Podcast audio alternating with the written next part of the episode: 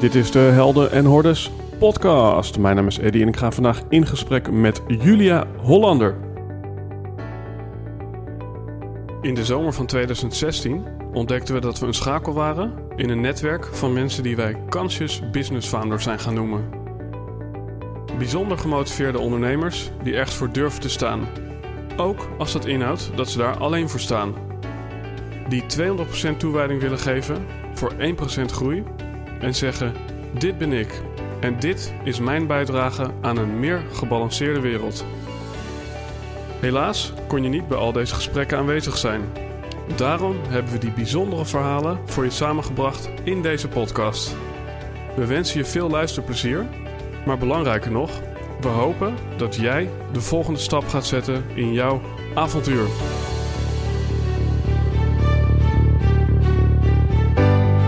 Alright, ladies and gentlemen, ik ga weer eens in gesprek met een vrouw, dat mocht wel weer een keer, en met niemand anders dan Julia Hollander.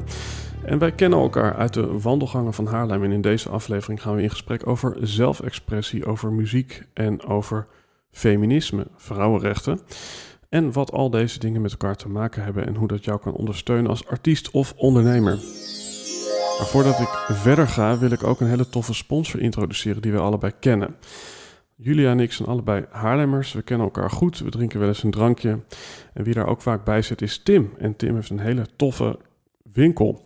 Een kaaswinkel met de naam Kaascampagne met P-A-N-J-E. Kaascampagne.nl. En waarom is deze winkel nou zo bijzonder? Alleen al door het uiterlijk, alleen al door de passie waarmee Tim het gestart is. Maar ook vanwege het assortiment. Um, ze hebben niet alleen de extra belegen stukjes, maar ze hebben ook allerlei Europese soorten kaas. Van bergkaas tot blauwschimmel tot frissigheid, roodflora en alles wat ertussenin zit. En dan hebben we het nog niet eens gehad over de noten en alle vleeswaren. Dus, ben je een keer in Haarlem, wil je een keer echt iets bijzonders hebben? Ik vind zelf de Scandinavische Deense kaas heel lekker. Nou, dan moet je daar zeker eventjes naartoe gaan. Meer informatie over de kaascampagne vind je in de show notes van deze podcast. Alright, en dan zal ik Julia natuurlijk, as always, aan jullie aankondigen. Ze is documentairemaakster, antropoloog en muzikante. En in 2014 studeerde ze af aan de Willem de Koning Academie met de documentaire Mr. Jim. En voor haar master antropologie aan de VU deed ze etnografisch veldwerk in Mexico-stad naar vrouwenrechten. En hierna is ze nog twee keer teruggekeerd op basis van haar research. Gaat ze eind 2020 en in 2021 de documentaire Ni Una Mas opnemen in Mexico. Samen met antropoloog en uitvoerend producent Roos Wonders. En ook nog het Rotterdamse filmcollectief Rauwkost Collective. Julia wordt gedreven door haar nieuwsgierigheid, door haar leergierigheid, door haar interesse in bijzondere verhalen en ze probeert inmiddels schrijven en documentaire de wereld een beetje beter te begrijpen, ladies and gentlemen. Julia Hollander. Hi. En wij kennen elkaar uit de wandelgangen, de wandelgangen van Haarlem. Um, ja, en toen zag ik uh, een, uh, ja, een crowdfunding project voorbij komen. Ik kende jou natuurlijk al lang. Hoe lang kennen we elkaar? Uh, ja, wel echt een tijd. Acht jaar of zo? Minder dan zes jaar? Tien jaar, zou het zeggen. Ja, misschien nog wel meer, ja. Ik denk dat het altijd meer is als je twijfelt. Um, ja, misschien is het goed om daar eventjes te starten. Want ik, uh, kende jou uh, uit de vriendengroep. Uh, ik zag af en toe een filmpje voorbij komen met hele toffe dingetjes op de piano en later ook op de gitaar. en toen zag ik ineens allerlei dingen voorbij komen met Mexico. En misschien is het goed dat je het daar zelf eventjes oppakt. Je bent iets gestart. Ja, um, ja ik ben samen met Roos Wonders... zijn we in, uh, toen corona eigenlijk uitbrak... begonnen met een crowdfunding. En we hoorden eigenlijk via Cinecrowd... Uh, dat de crowdfundings gewoon doorliepen... en dat er niks aan de hand was. Maar uiteindelijk bleek het wel een grotere uitdaging dan gedacht... Uh, want we moesten alles online doen. Dus we konden geen evenementen of in real life, zeg maar, funding krijgen. En we zijn die crowdfunding begonnen voor de documentaire Nieuw naar Maas. En daarvoor gaan we dit jaar, eind dit jaar naar Mexico om dat te gaan draaien. Mm -hmm. Ja, want misschien ja, eventjes in het heel kort, wat, wat is Nieuw naar Maas? Uh, Nieuw betekent niet één meer. En het is een politieke leus uit uh, Mexico. En dat staat voor Niet één vrouw leven meer. En uh, de documentaire gaat over zeven zangeressen en activisten. En die zingen met hun muziek uh, ja, over de vrouwenmoorden, de feminicidio's, die daar plaatsvinden. En het geweld tegen vrouwen. En uh, daartegen gaan ze in protest met hun muziek, zeg maar. Ja, want even voor de luisteraar, vrouwenmoorden, zijn dat dan vrouwen die er zelf een eind aan maken of hoe zit dat? Uh, nee, dat zijn moorden op vrouwen. dat gebeurt zo'n tien keer op één dag in Mexico, alleen al, in het hele land. dus tien vrouwen per dag. En um, nou ja, wat er gebeurt is dat daders ook niet worden opgepakt of niet gestraft Mhm. worden, omdat het, uh, er is een enorme hoge straffeloosheid in Mexico. Uh, dus daarom blijft het ook maar doorgaan. Het, zal, het, is ook niet dat het nu pas is dat het ge- gebeurt, maar dat vindt al decennia lang Ja, plaats. Zeg maar. en wie zijn dan de daders? Uh, veelal zijn het uh, ex-vriendjes of ex-man of uh, partners. En ja, als je naar Juarez kijkt aan de grens, dan zijn het meer onbekenden, maar Mhm. over het algemeen vaak bekenden. Ja, en, en ja, eh, dat klinkt nog steeds vrij absurd allemaal. Dus, dus waarom zou een ex-man een vrouw vermoorden?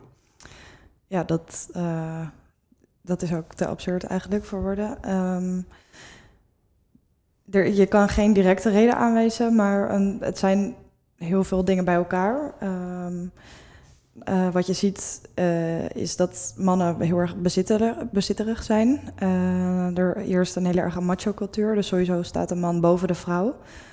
In de opvoeding zie je het al dat de nou ja, zus wordt opgevoed en die staat in de keuken en de zoon die kijkt samen met zijn vader voetbal en die wordt alles aangereikt. Uh, dus de positie is al sowieso lager in het publieke leven en in de huiselijke sfeer. Mm -hmm. Dan heb je ook uh, 95% van de bevolking is, is, is katholiek en dat heeft dan ook weer invloed daarop. En waarom het in stand wordt gehouden is de straffeloosheid. En uh, op symbolisch niveau zie je het uh, in de muziek heel erg terugkomen. Dus er zijn echt hele bekende nummers van uh, Mexicaanse zangers. En die zingen heel expliciet over: Ik ben jouw eigenaar, soy tu dueño. En ik doe met jou wat je wilt. En als je vreemd gaat of als je dit en dit en dit doet, dan vermoord ik je. Dus het is heel expliciet in hele populaire, traditionele muziek eigenlijk. Mhm. Dus um, ja, dan wordt geweld ook genormaliseerd. Mm En um, ja, sowieso in de media wordt er ook heel raar mee omgegaan. En wat die zangeressen dus doen, is... Uh, zij maken weer echt vrouwen, ze geven echt een gezicht en een verhaal aan diegene die er niet meer is. In plaats van een, een, een lichaam op een voorpagina heel expliciet getoond en erbij schrijven en dat het haar eigen schuld is, omdat ze laat op straat ging of andere vage reden. Ja. En is het de straffeloosheid of denk je dat het iets anders is, waardoor dat in Mexico, nou ja, dat neem ik dan even aan, veel vaker voorkomt dan uh, op andere plekken? Uh, nou ja, ik denk zeker dat de straffeloosheid heel veel bijdraagt, omdat je, je kan je echt uit heel veel dingen kopen. Als je dronken rijdt, uh, je betaalt wat en je mag weer gaan, zeg maar. Of je hebt een misdaad gepleegd en je hebt zoveel geld, dan kan je er gewoon uitkopen. Mm -hmm. uh, ja, dat houdt het allemaal in stand. Als er geen straf op zit, dat... En als je een ontrouwe vrouw zo mag straffen, ook volgens de populaire cultuur, dan houdt het elkaar allemaal in stand, zeg maar. Dus het is een hele Ja. complexe, ja. Ja, want aan de ene kant zit het misschien aan de straffeloosheid, maar aan de andere kant zit het misschien ook in een stukje, nou ja, wat je zelf misschien ook al zegt, die opvoedingen. Want ik denk niet dat wij in Nederland echt wetten moeten aanscherpen om ja, te voorkomen of betere straffen te verzinnen voor mensen die dat doen, toch? Mhm. Dus blijkbaar doen wij dat hier vanuit onszelf al minder. Ja, ik, Of is dat niet zo? daar heb ik niet echt een antwoord op. Nee. Nee, ja, het- ik, ook niet natuurlijk, maar Ja, je hebt wel natuurlijk veel, alsnog veel huiselijk geweld hier. En met corona was dat ook ontzettend gestegen. mhm, Maar je hebt wel echt gewoon grenzen vanuit het rechtssysteem. Dus je Mhm. kan een vrouw slaan, maar hoeveel ja, straf krijg je daarvoor Ja. als het niet aantoonbaar is? mhm.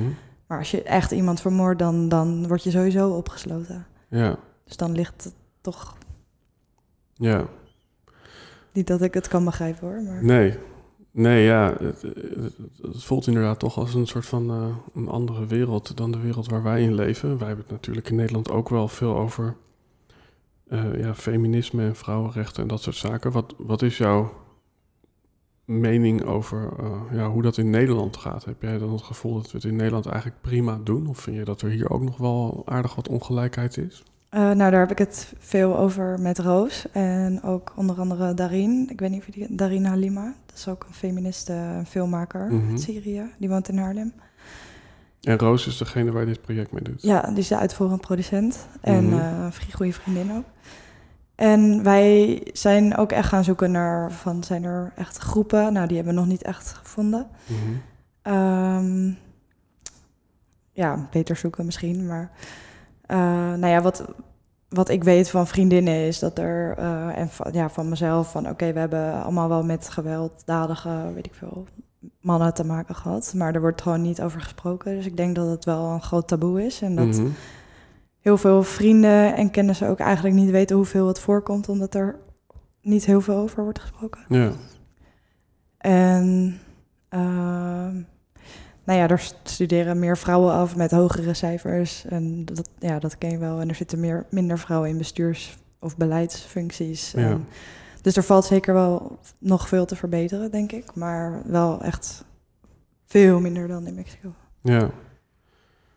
Het is meteen altijd een spannend onderwerp dit, hè? Want ik heb hier ook wel eens met iemand gezeten die het juist heel erg opnam voor de man. Hè? Want die zei van, ja, weet je, ehm, als je gewoon bijvoorbeeld kijkt naar zelfmoord. eh, als je kijkt naar ja, wie er het meeste pilletjes krijgen. Ehm, ja, eh, dat soort cijfers laten zien dat de mannen het dan weer zwaarder hebben dan de vrouwen. En ehm, maar ik denk dat het ook echt een dialoog moet zijn, feminisme. Dat het inclusief is. Dus het is niet... Feminisme gaat over vrouwen, maar ook de relatie tussen man en, en vrouw. En dat het een gesprek moet zijn. Bijvoorbeeld laatst eh, had ik een etentje gegeven met vrienden en vriendinnen. En toen hadden we het over catcalling. En een, een aanwezige vriend die zei van... ja, ik, ik heb wel eens eh, geroepen, hé schatje of eh, iets anders. En ehm, ik denk dat het heel onschuldig is. Van, dat zei hij vanuit hemzelf. En toen was Mhm. ze van, ja, maar als je dat zes keer per dag hoort... en ja, dan kan iedereen van alles Je naar je roepen dat op iemand- straat. Ja, precies. Ja. Weet je wel? Terwijl zijn beleving was heel anders. En dat gesprek liet hem ook weer daar iets in zien. En ook heeft wel iets bij hem teweeg gebracht, denk Ja. ik. Dus het is wel ook een, eh, een dialoog. Maar ook over bijvoorbeeld emoties van Ja. mannen. Bijvoorbeeld dat het meer getoond mag worden. Of, Ja, dus het, het zou eigenlijk over heel veel dingen moeten gaan. ja. Ook over mannen. ja, in die zin is het interessant hè, dat we na zoveel eh, duizenden of miljoenen jaren mensen nog eigenlijk zoveel, ja, eigenlijk basale dingen nog niet helemaal lijken te snappen of zo. Wat ik dan daar ook wel interessant in vind, hè, van hoe komt het dan dat die mannen dan zo boos worden? En eh, Boos worden op... nou ja, op, op, op een vrouw of dat ze ze Oh ja, Ja, want ik- ik heb hier wel eens met iemand gezeten die zei, ja, weet je, vrouwen die zijn van nature selectief. Eh betekent gewoon heel praktisch dat, een- dat zeg maar, een vrouw kan maar een aantal keren in haar leven eh, een kind krijgen. En dat staat eigenlijk niet in verhouding tot hoeveel kinderen een man bij vrouwen kan maken. Dus, dus een man zou theoretisch vader kunnen zijn van duizend kinderen. Terwijl een vrouw misschien ja, een stuk of tien kinderen en dan is het wel aardig eh, gebeurd. Dus, en dat, en dat ja, wat hij dan vertelt is, ja, en dus is het ja, eh, vaak de vrouw die selectief is. Dus die moet besluiten, hey, deze man gaat voor mij te ver. Want ik kan maar biologisch gezien zoveel kinderen krijgen, dus ik moet een goede keuze maken. Dus daarin zijn vrouwen misschien wat besluitvaardiger dan mannen. En dat weet ik ook niet, maar ik vond dat ook alweer interessant. Ja, dan ga je een beetje de biologische kant op. Zou Ja. ook kunnen zeggen omdat mannen fysiek overwicht hebben of zo. Dat, dat een vrouw dan zich onderdaniger of banger kan zijn of zoiets. Ja, Als je het weer naar het andere... ja. ja en ik vind het een heel interessant onderwerp. Ik ben toevallig nu een eh, boekje aan het lezen, dat heet eh, eh, De terugkeer van de koning. En dat gaat eigenlijk over dat het ritueel is weggevallen in de maatschappij... waarin eh, een man eigenlijk tot man wordt eh, geslagen. Dus vroeger had je een moment dat je moest, letterlijk moest afscheid nemen van je ouders. Dat is bijvoorbeeld het verhaal van Parsifal. En dan gaat die ridder gaat zelf ergens een draak in het bos verslaan. Maar dat is het moment dat hij eigenlijk zijn zelfstandigheid krijgt. We zien dat nog een klein beetje terug in, in ontgroeningachtige dingen, maar dat zien we eigenlijk ook al bijna niet meer, weet je wel. Ehm, dus, dus een man is in die zin ook nog niet helemaal man geworden misschien. En ja, met alle gevolgen van dien. Ehm, ja, ik, ik ben er eerlijk over. Ik weet hier ook niet alles van. Maar ik vind het wel heel interessant. Omdat toch, ja, naast een soort feministische beweging zie ik toch ook wel heel veel mannen die onzekerheden hebben. Of zichzelf nog niet helemaal hebben gevormd. Wat volgens mij ook iets is wat op zichzelf aandacht mag krijgen. Wat ik interessant vind om, om nu eventjes iets meer in te zoomen uh, op jou. Want er worden hier eigenlijk een aantal dingen aangestipt. Eén daarvan is Mexico.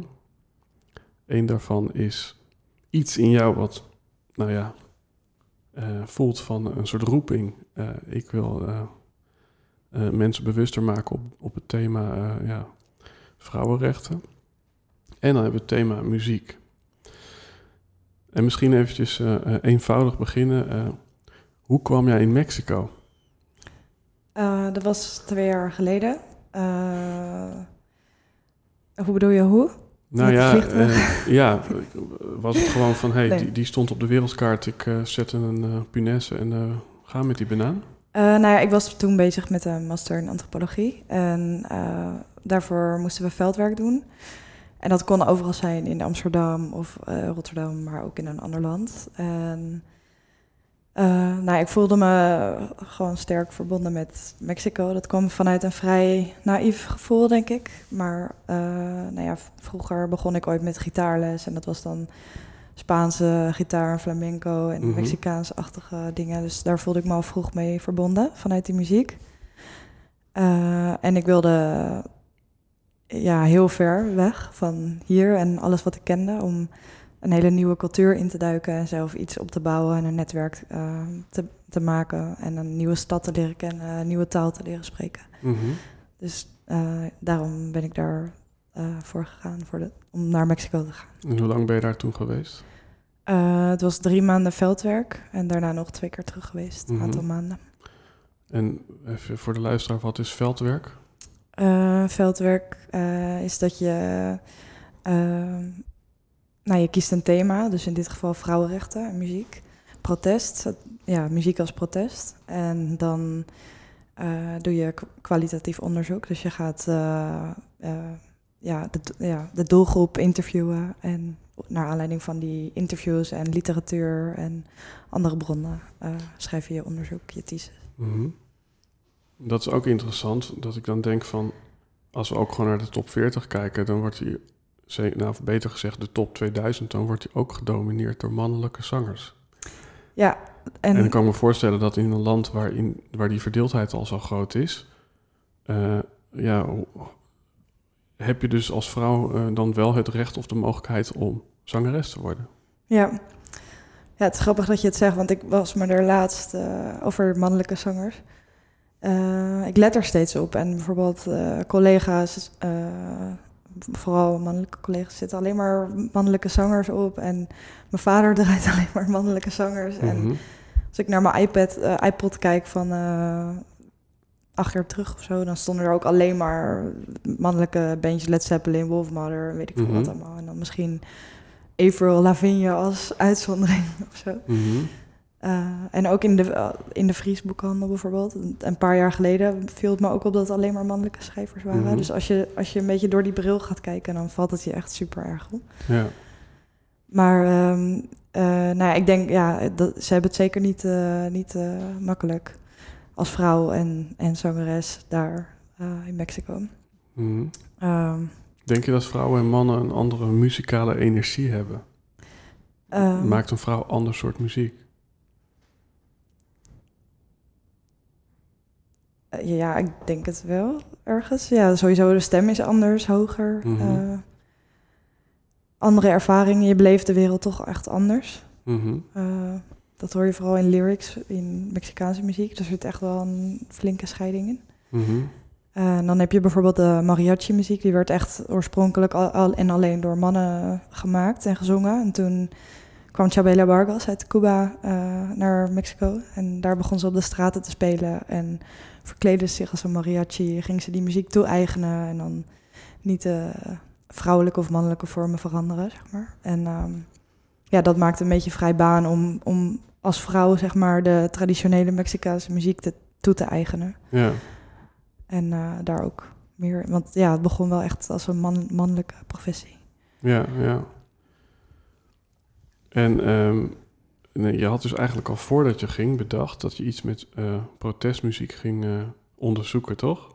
Ja, met muziek en ik wilde iets met muziek en politiek verbinden. Maar ik had geen. Ja. Ik heb online eh, veel muziek gezocht in Nederland, want je moest vooronderzoek doen en zo. Maar het is zo anders om je online op iets voor te bereiden op een realiteit die je niet kent. Dus daar heb ik eigenlijk die meiden gevonden, Las Burgas, die zag ik op straat spelen. En via hun ben ik in een heel eh, circuit van Ja, muzikanten beland, zeg maar. ja. Eh, die allemaal over vrouwenrechten en, en ook gayrechten sowieso. Want het was vooral een gay community. Mhm.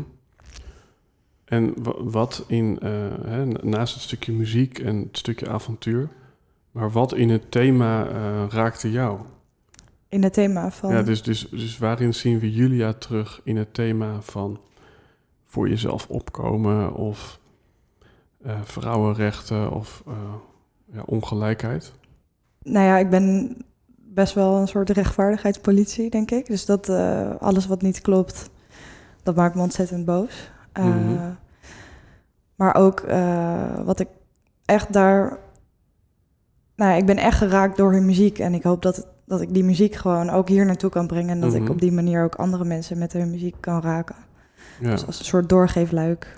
Eh, en wat mij ook raakte was dat ik, eh, nou ja, door hun eigenlijk en door met hun bevriend te raken, veel meer in contact met mezelf kwam. Dus door te dansen, te bewegen, te zingen. En ik dacht, dat, oké, ik kan niet zingen, maar nu zing ik zelf ook Mexicaanse nummers. En dat je gewoon je wat vrijer mag uiten, zeg maar. En die vibe, die wil ik heel graag overdragen in de Ja. film, weet je wel. ja. Heb jij zelf een voorkeur als het gaat om muziek? Want, want je noemde net eh, dingen als Led Zeppelin en zo, maar dat is toch iets heel anders dan eh, noem even fado of eh, Mexicaanse ja, protestmuziek. Nou ja, sowieso de muziek van Bibier, een van de zangeressen. En Las Brujas. Ik hou ontzettend van Chabela Vargas. En Mercedes Sosa bijvoorbeeld zijn echt van die krachtige zangeressen. Mhm. Ehm, sinds kort luister ik ook eh, Arabische muziek en Arabische zangeressen. Mhm. Dus eigenlijk van alle, alles wat, ik, wat nieuw is, eigenlijk waar een soort kracht in zit, vind ik fijn Ja. om te ontdekken. En Is het, is, het, niet- is het belangrijk voor jou dat muziek een, een bepaalde boodschap heeft? Hè? Want ik, ik heb je ook wel eens hele mooie klassieke stukken zien spelen op de piano. Maar behalve dat het je raakt en waarschijnlijk bij iedereen iets anders eh, triggert, eh, is het niet zo van nou, ik heb net geluisterd naar thema X over onderwerp Y. Ja. Ehm, ja, ik vind zeker wel dat de boodschap belangrijk is wat erin in zit. Mhm. je, je, kan, je hebt toch de mogelijkheid om een extra verhaal te vertellen met, met woord eigenlijk. Ja. En dat te versterken met eh, muziek, zeg maar, op emotioneel niveau. Mhm. Ik denk dat het een krachtig, eh, sowieso middel van protest is ook. Ja. Eh, en nu inmiddels is die crowdfunding campagne voltooid. Eh, en als ik het goed begrijp, ga je nu een documentaire maken over wat er daar allemaal gebeurt. En eh, dan is die documentaire af. En dan? Wat gebeurt er dan? Ehm, nou ja, ik verheug me nu in de eerste instantie op gewoon er naartoe gaan in het hele maakproces. Mhm. En wat er dan gebeurt, dat, eh, nou ja, dan kom je in het proces van waar wordt die vertoond, eh, distributie en weet ik veel, omroepen. En Maar ja, nu zijn we nog in het proces van eh, ja, fondsen aanvragen Mhm. en daarheen gaan en vooruitzicht op het draaien, zeg maar. Dus dat is wel voor een later stadium. Mhm.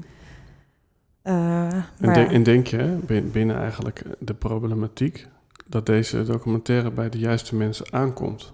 Want ik kan me ook voorstellen dat het dus door vrouwelijke geëmancipeerde muzikanten wordt bekeken. Mhm. Maar wordt het ook bekeken door die een of andere idioot die eh, op een dag besluit ik ga, eh, ik ga geweld toepassen op mijn eh, ex? Ja. nou, ik betwijfel of dat überhaupt erin gaat bij zo iemand. Maar het is Mhm. vooral om, ja, om het aan, aan te kaarten en om een soort doorgeefluik te zijn om de beweging groter te maken. En Ja.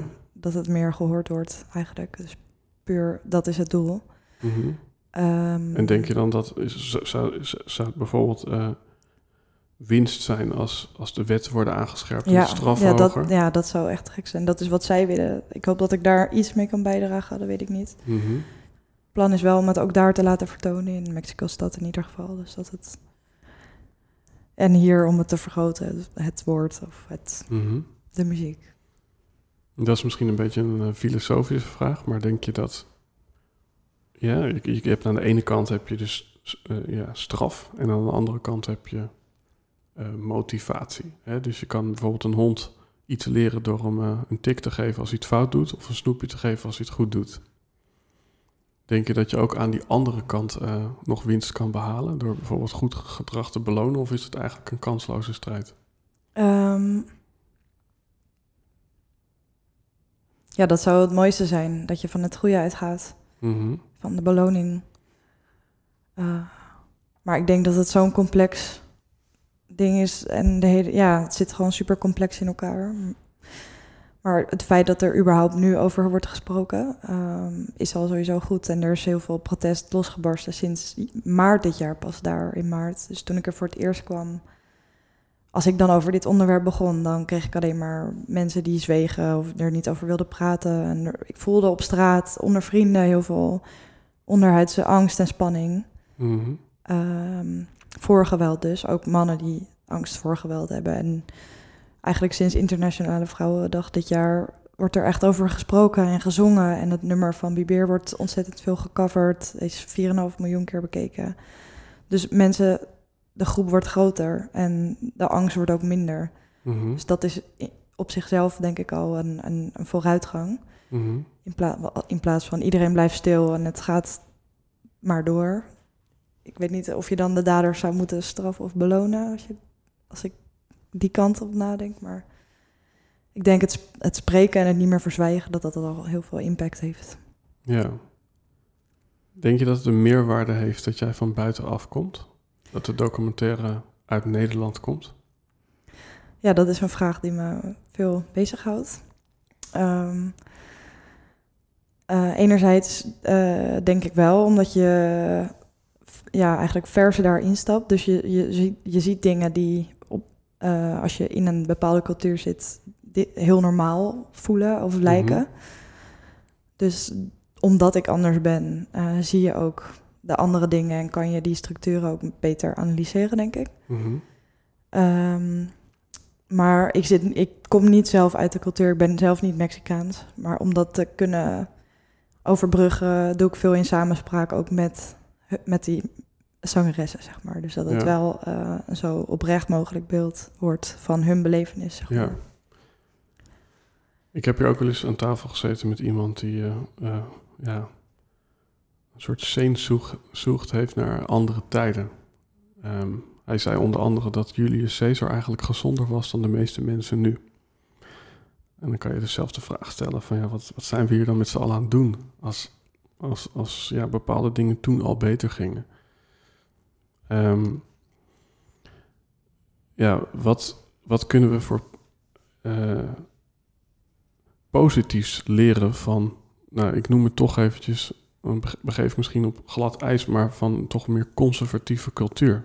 Dus, Mhm. dus, dus, dus hè, we beschrijven nu allerlei problemen, maar zijn Ja. er misschien dingen waarvan je zegt, wauw, hier kunnen wij als Nederlanders weer heel veel van leren. Eh, ja, zeker. Ik denk, eh, ja, wat ik heel fijn vond om te ervaren is dat familie echt wel een hele belangrijke rol speelt. Mhm. Ehm, nou ja, ik ben bij families thuis geweest en daar voelde ik me ook echt super thuis en deel van de familie. En dat hele open en warme en je, kom, ja, je staat altijd klaar voor elkaar. Ehm, en dat zie je ook letterlijk in het straatleven, want er woont niemand op straat. En als je naar San Francisco gaat, dan eh, zie je superveel daklozen op straat Ja. en eh, zwervers en weet ik veel wat. En dat heb je in Mexico-stad in ieder geval gewoon niet.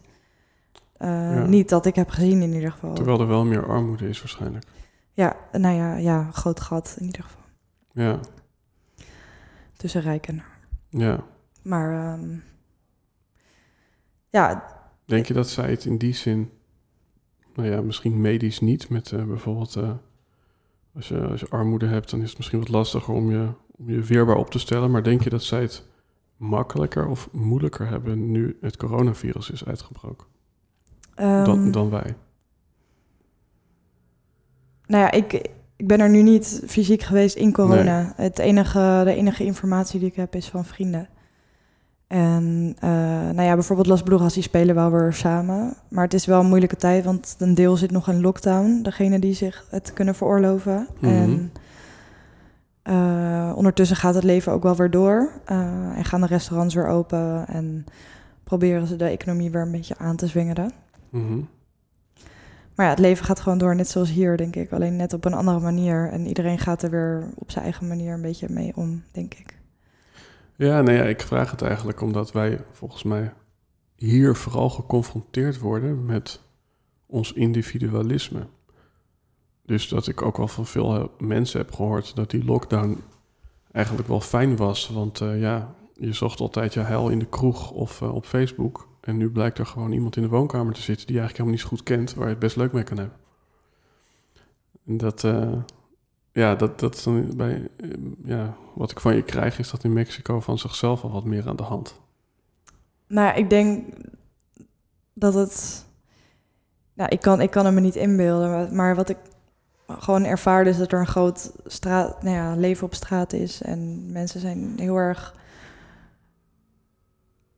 continu aan het feesten, lijkt wel, weet je wel. Gewoon met feestmalen, maakt niet uit welke dag het is. eh, veel warmte, veel mensen, altijd familie over de vloer. Of... Dus het is echt wel... eh, de gemeenschap is heel belangrijk. Dus het collectief is heel belangrijk. En het Mhm. individu is denk ik minder belangrijk in Mexico. Dus ik kan me zo voorstellen dat als mensen echt alleen thuis zitten... dat ze super in de war zijn van waar, is mijn, waar zijn mijn familieleden of mijn, mijn vrienden... of ik wil eh, daar, daar, daar naartoe, denk Wa- ik. waar voel jij je meer thuis? Want hier heb je natuurlijk ook comfort. Ehm, als geld geen issue was bijvoorbeeld. Mhm.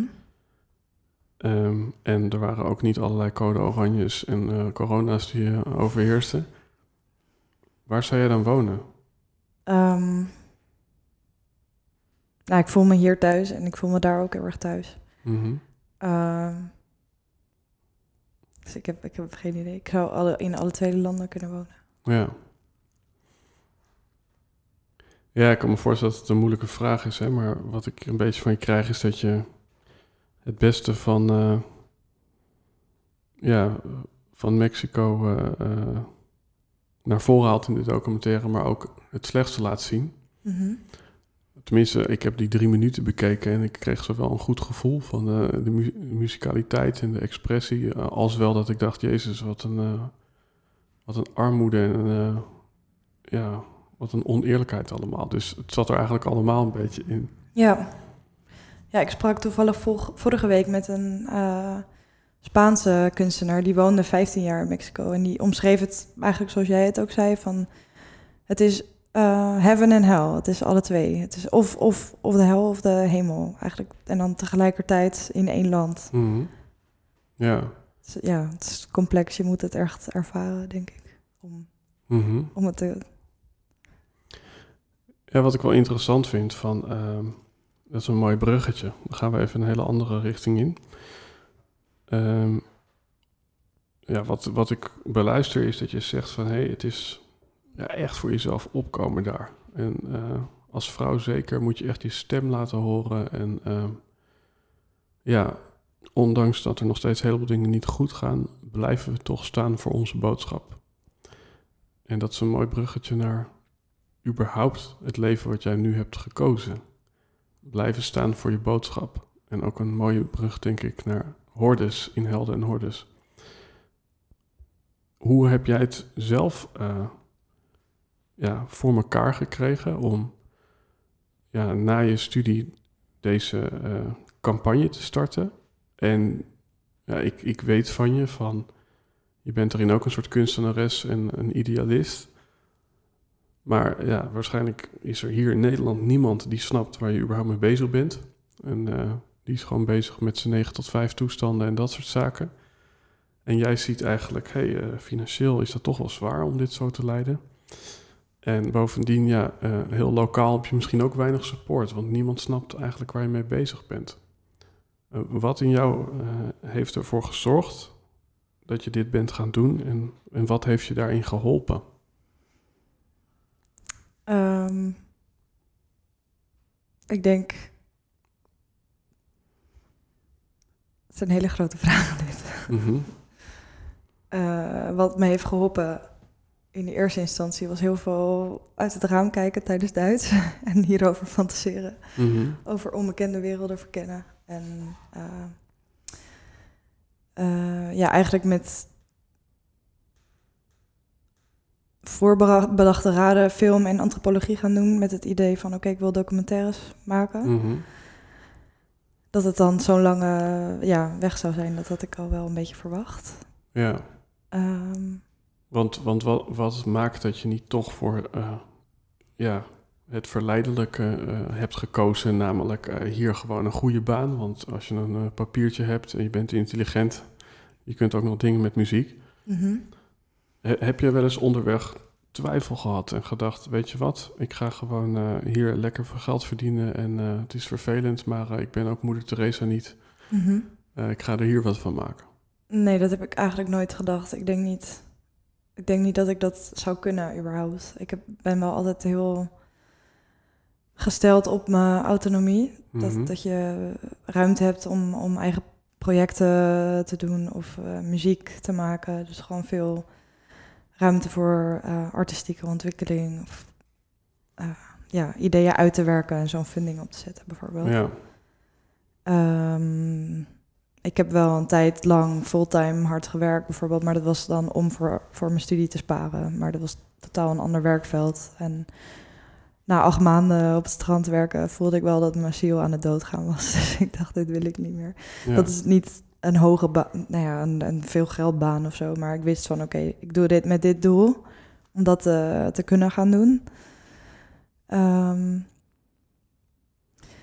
maar geen ruimte voor muziek of creativiteit of een project hebben, dat, uh, dat, dat, dat is gewoon niet mm -hmm. dat mogelijk.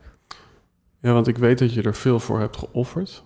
Uh, recentelijk heb je volgens mij een baan opgezegd ja, nou ja, dat kwam, uh, het werd allemaal te veel, zeg maar. Alles bij elkaar aan het project werken en dan ook nog twee uh, banen doen, uh, financieel rondkomen en mm -hmm. heel veel, ja, ook nog je in andere dingen ontwikkelen. Mm -hmm. um, dus ja, daar moest even een soort keuze gemaakt worden om ja. niet helemaal in te storten. Ja, want een van die keuzes is dus dat je ja, bent gestopt met die baan. Maar een andere, misschien meer close and personal uh, onderwerp is dat je zo goed als helemaal gestopt bent met drank. Mm -hmm. Zou je daar iets over willen delen? Um, ja, uh, wat wil je weten? nou ja, uh, hoe, hoe verhoudt dat zich tot dit onderwerp? En um, ik heb ook wel eens gehoord, eens een alcoholist, altijd een alcoholist. Mm -hmm. En dan zit ik hier tegenover iemand die, die dat toch maar even geflikt heeft. Mm -hmm. Ja, um, we denken, ja, eerste keer Ook dat... wel een grote term natuurlijk, alcoholist, maar... Ja. Nou ja, het is, ja, wat was het, vorig jaar november, uh, afgelopen november. Uh, toen heb ik er een streep doorheen getrokken van, oké, dit, uh, dit kan niet meer. Omdat ik merkte dat het op een gegeven moment vervaagde de grens van hoeveel drink je nou eigenlijk, ben je er niet meer echt bewust van. En is het heel makkelijk om het te doen eigenlijk. En um, nou ja, naarmate de tijd een beetje verstreek, merkte ik dat gewoon mijn hele focus weg was, weet je wel. Dus dan ga je van je werk naar een feestje, naar uh, een kater uitslapen, naar een andere verplichting. Uh, mm -hmm. Toen dacht ik, ja, zo komt er nooit meer iets terecht überhaupt van wat ik wil bereiken. Mm -hmm. Dus toen uh, had ik besloten om er gewoon helemaal een streep doorheen te trekken. Ja, dus, dus, dus welke ja, calling was harder? Was, was het harder een stem die zei van... Julia, als je dit blijft doen, dan, uh, Mhm. Dan krijg je pijn en dan ga je kapot. Dus dan Mhm. wil je eigenlijk ergens vrij van komen. Mhm. Of was de stem harder van, ik heb een roeping en ik wil ergens naartoe. Dus dan- Ja, dat was het. Dat was het, de, de doorslag eigenlijk. Ja, Want als ik eh, daarin zou blijven hangen, dan, ja, dan zou er gewoon niks van de grond kunnen komen. En ik denk dat dat nog steeds zo is. ja, Dus het was meer van, ja, wil je eh, iets gaan doen? Wil je iets, eh, iets ervan maken? Wil je films maken? Dan moet je gewoon daarmee stoppen. Omdat, eh, ja, maten, dat eh, is lastig ja. te bepalen. Want ik denk dat dit wel een heel interessant eh, onderwerp is ook voor de luisteraar.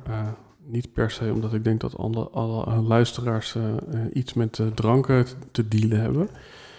Maar verslaving is natuurlijk wel iets waar heel veel mensen last van hebben. Hè? Want in feite is Bingwatch op Netflix is ook al een verslaving. En niet stil kunnen zitten en op Facebook scrollen is ook al een verslaving. En dan kan je misschien te veel eten of, of je zoekt het in seks of wat dan ook. Maar ehm,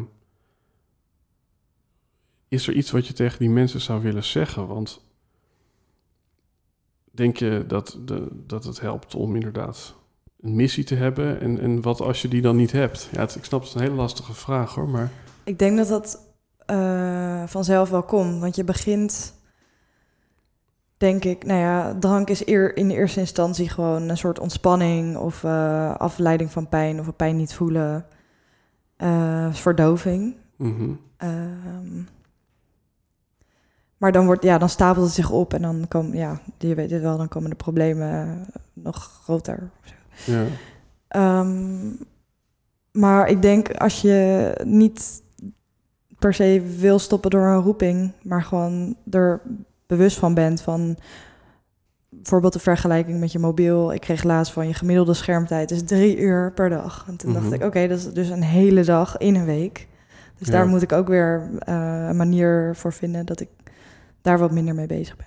ja, Uh, dus een bewustwording van dat je niet tegen jezelf liegt van oh het valt wel mee uh, hoe vaak ik dat doe. Dus als je het gaat opschrijven bijvoorbeeld, dan zie je het al. Als je dan iets wil veranderen, uh, ja, dan moet je je schema aanpakken. Dus gaan sporten, gezond eten. En dan, ik denk dat je dan mentaal ook gewoon sterker wordt en dat dan sowieso de roeping wel komt of in ieder geval ideeën wel komen. Dat je dan een soort weer helder hoofd hebt. Want denk je dat iedereen uh, daarin een, uh, eigenlijk een roeping heeft die al, ja, die al vast ligt? Of denk je dat je die roeping echt moet vinden? Dus eigenlijk schets ik het verschil tussen of je roeping is begraven onder pijn, alcohol, afleiding.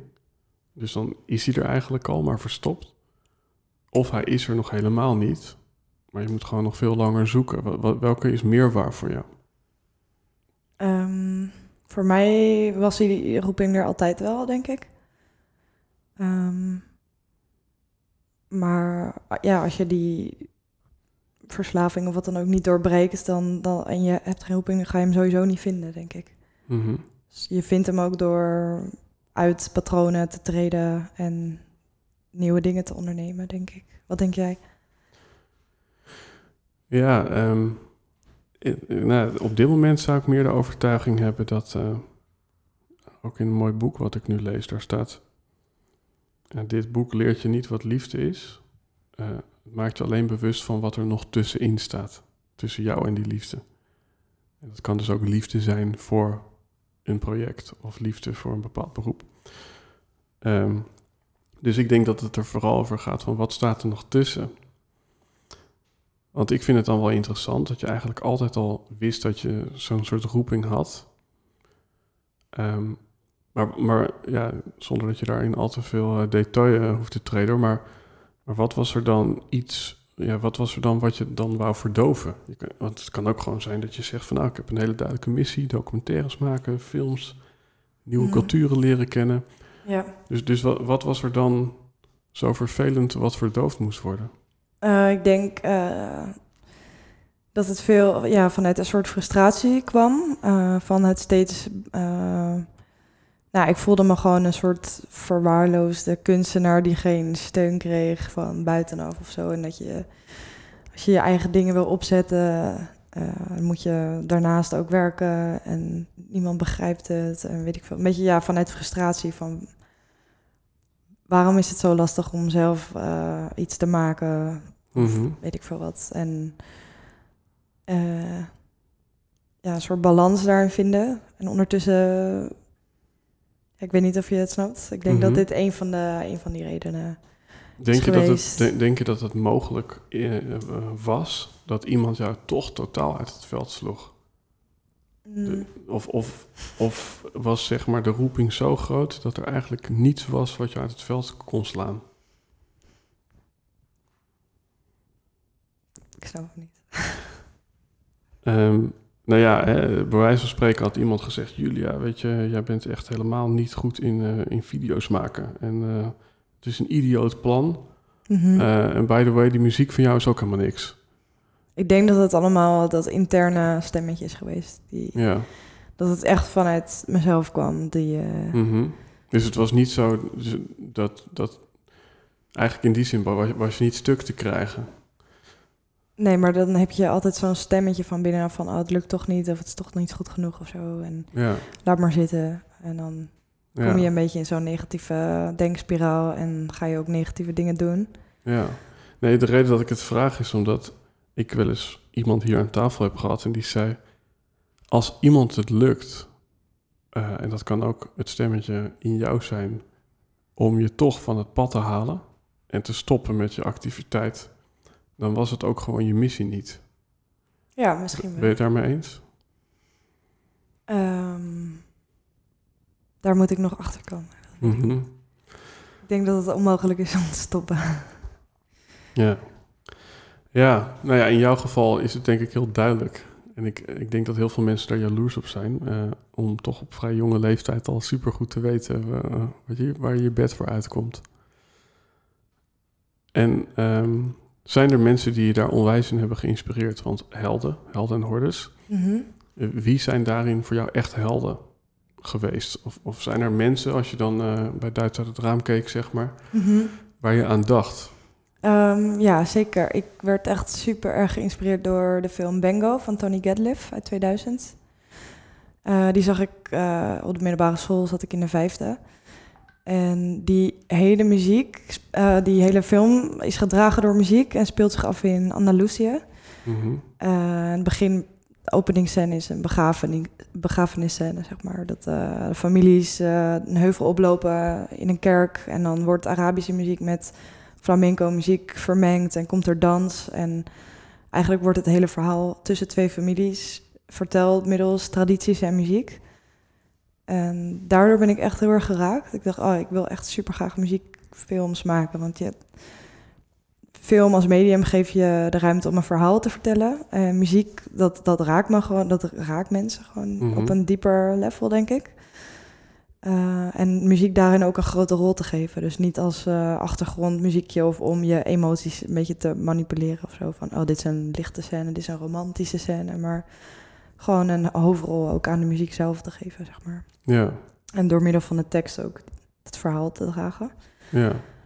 Dus dat heeft me zeker wel... eh, Dus is jouw documentaire, zeg maar, gaat het over muzikanten? Of is het ook bijna een soort videoclip, als je snapt wat ik bedoel, dat er heel veel muziek in voorkomt? mhm, ja, zeker.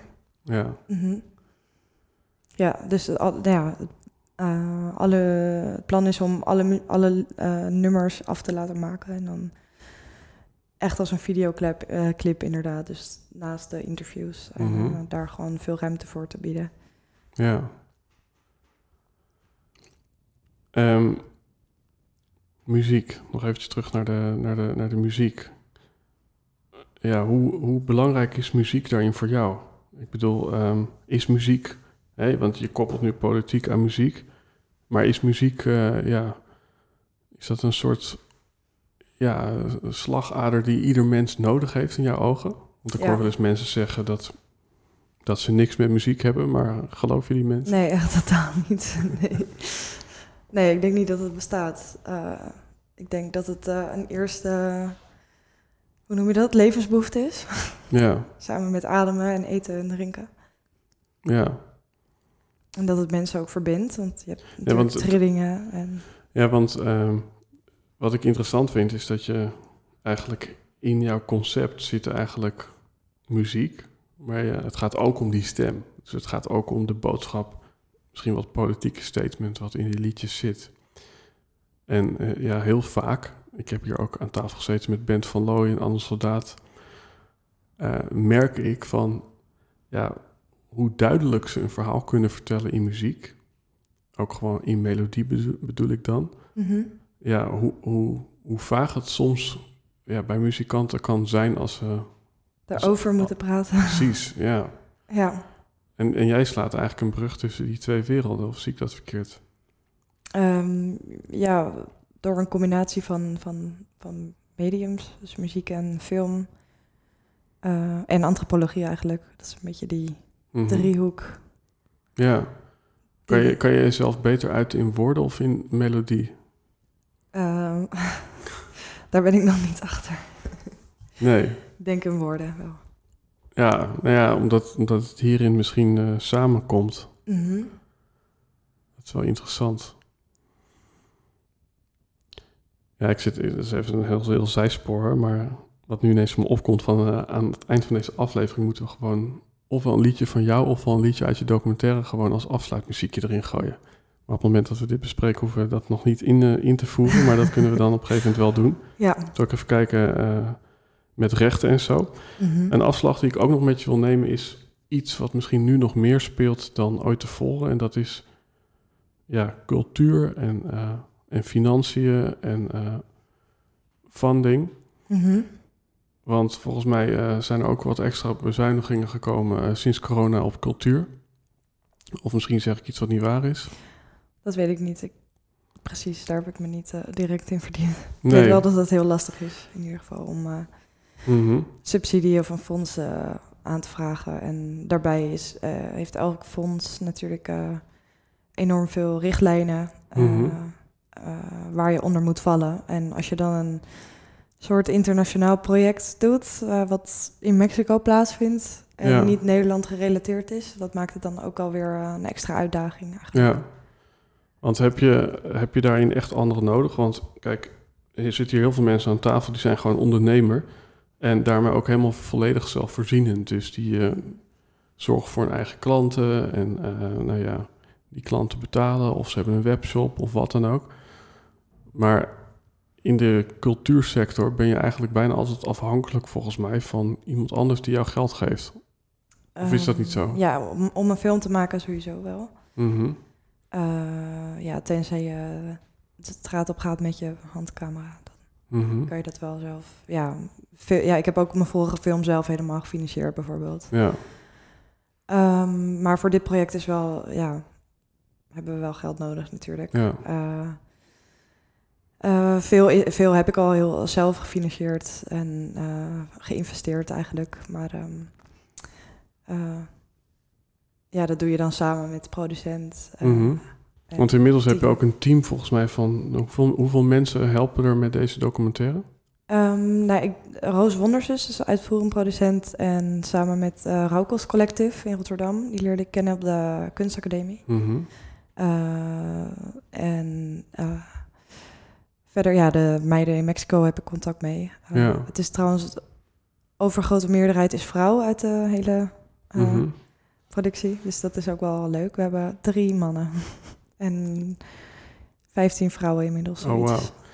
En hoe, hoe heb je die mensen dan aan boord gekregen? Hè? Want waarschijnlijk kan je niet tegen ze zeggen van hier heb je een, eh, een zak met geld als je meehelpt. Eh, bijvoorbeeld Roos, ik noem maar iemand. Mhm. Nee, we zijn nu allemaal eh, vanuit eigen tijd Ja, betaald. eh, proberen dit op poten te zetten. En ja want, want jij bent misschien de, de founder of de initiatiefneemster. Mhm. Maar hoe, eh, wat heb je gedaan om al die andere mensen aan boord te trekken? Want dat is namelijk een onderwerp wat hier aan tafel ook heel vaak eh, ter sprake komt. Van Ja. ja, ik heb een missie, maar ik, ik krijg mijn personeel niet mee. Of ik Mhm. krijg mijn compagnon niet mee. ja. En zeker als je ze niet kunt betalen, hoe doe je dat? Ehm, nou, ik heb eh, Laurens en Guido van, van Rauwkost Collective al een jaar geleden of anderhalf jaar geleden eh, benaderd en verteld over het project. Dus eigenlijk vrij vroeg hebben ze eh, hierin meegeholpen in het project. Ja. En vonden ze het al meteen super tof. Eh, Waar, waardoor denk je dat, dat mensen ja zeiden? Is dat iets in jouw verhaal of in je overtuiging? Of...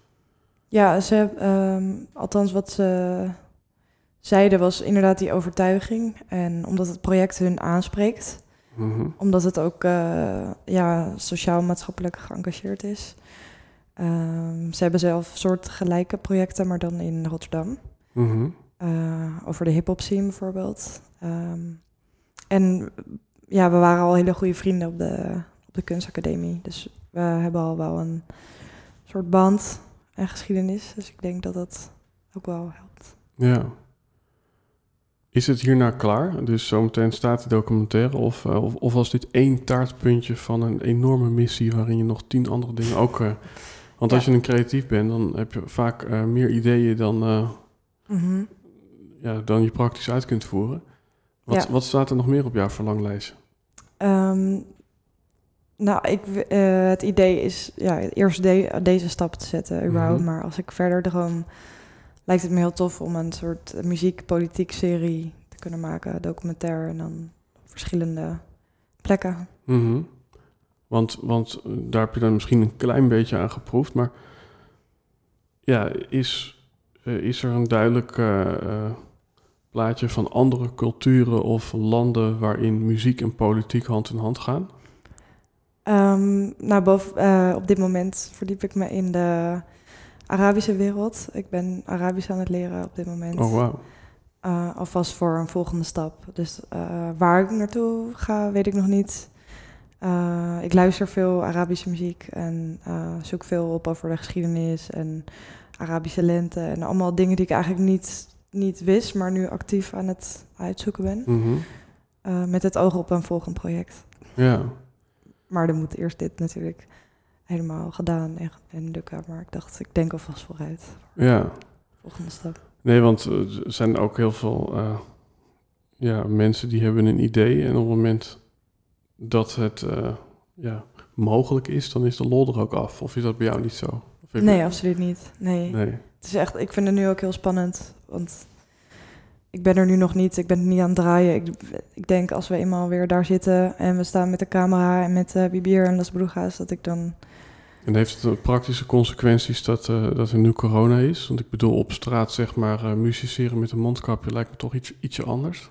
Eh, nou ja, er is wel weer klein protest wordt op gang gezet. En sowieso op social media. Dus dan kunnen we daar een keuze maken in vorm nog voor de film. Ehm, en er, ja, met Las Brujas, die komen ook weer samen na isolatie om samen te spelen en verdere plannen te maken. Dus hun levens gaan ook gewoon door, zeg maar. Er gebeuren belangrijke dingen die ik graag wil vastleggen. Mhm. Dus ja, overal is corona, maar ook overal gaat iedereen's leven door. Ja. Ja, want ik kan me ook voorstellen, dat, dat is in Nederland natuurlijk ook een beetje gebeurd. Hè? We waren allemaal bezig met klimaat. En toen ineens was corona en was ja, misschien nog maar de helft bezig met het klimaat. Dus in hoeverre Mhm. is dit thema misschien afgezwakt... doordat de orde van de dag eigenlijk is van hoe blijven we gezond... en hoe, hoe redden we de economie? Ja. Is, is dat zo? Of, is, of gaat het nog even hard door? Nou ja, wat, wat er was, was eh, een heel sterk voorbeeld. Is bijvoorbeeld op Internationale Vrouwendag barst het los. 80.000 vrouwen de straat op, protesteren. Mhm. Volgende dag eh, geen één vrouw naar de werk, niet op straat, niet op social media. Dus vrouw afwezig in het leven. En die dag daarna was het corona, lockdown, iedereen thuis blijven. En wat was eigenlijk die hele Mhm. bom die was gebarsten weer de kop ingedrukt. Mhm. Ehm, dus dat was wel een goed voorbeeld over hoe corona de overmacht nam Ja. daarin. Maar ook weer huiselijk geweld steeg, omdat ook mannen thuis bleven, zeg maar.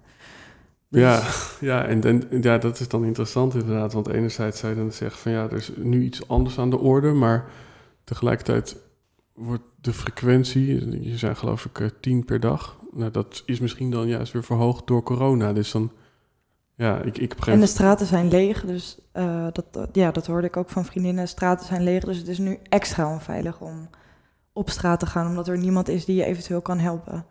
Dus eigenlijk heeft het, eh, is het nog belangrijker geworden, het thema, juist. Ja. Nou ja, ik ben benieuwd. Ik, eh, ik ben ook benieuwd van, hey, waar, weet je dat eigenlijk al? Waar wordt dit allemaal uitgezonden? Wat? De documentaire? Eh, nee, dat, nee, we moeten eerst gaan draaien. Dus eh, hopelijk kunnen we gaan draaien en mooie film maken en dan de vervolgstappen nemen. Ja. En ze zeggen wel eens start before you're ready. Dat vind ik een soort van mooie eigenschap. Als je eigenlijk gewoon begint vanuit een passie en nou ja, dan wordt de volgende stap zometeen, oké, waar kunnen we dit allemaal laten zien? Ehm, ja, en zo rollen we ook een beetje richting het einde van deze aflevering. Wat ik altijd een mooie laatste vraag vind, en misschien moet je even over nadenken hoor, maar stel dat je op een billboard eh, langs de snelweg een boodschap zou moeten meegeven aan iedereen die een beetje tuft eh, in- de file naar zijn werk. Eh, van alles wat je tot nu toe hebt geleerd, misschien van dit project, maar misschien ook van de keuzes die je hebt gemaakt in je leven. Is er dan iets wat helemaal Julia is, wat je zou willen meegeven aan bijvoorbeeld een nieuwe generatie die aan de vooravond staat van zijn dromen realiseren? Mm, dat is een hele mooie vraag.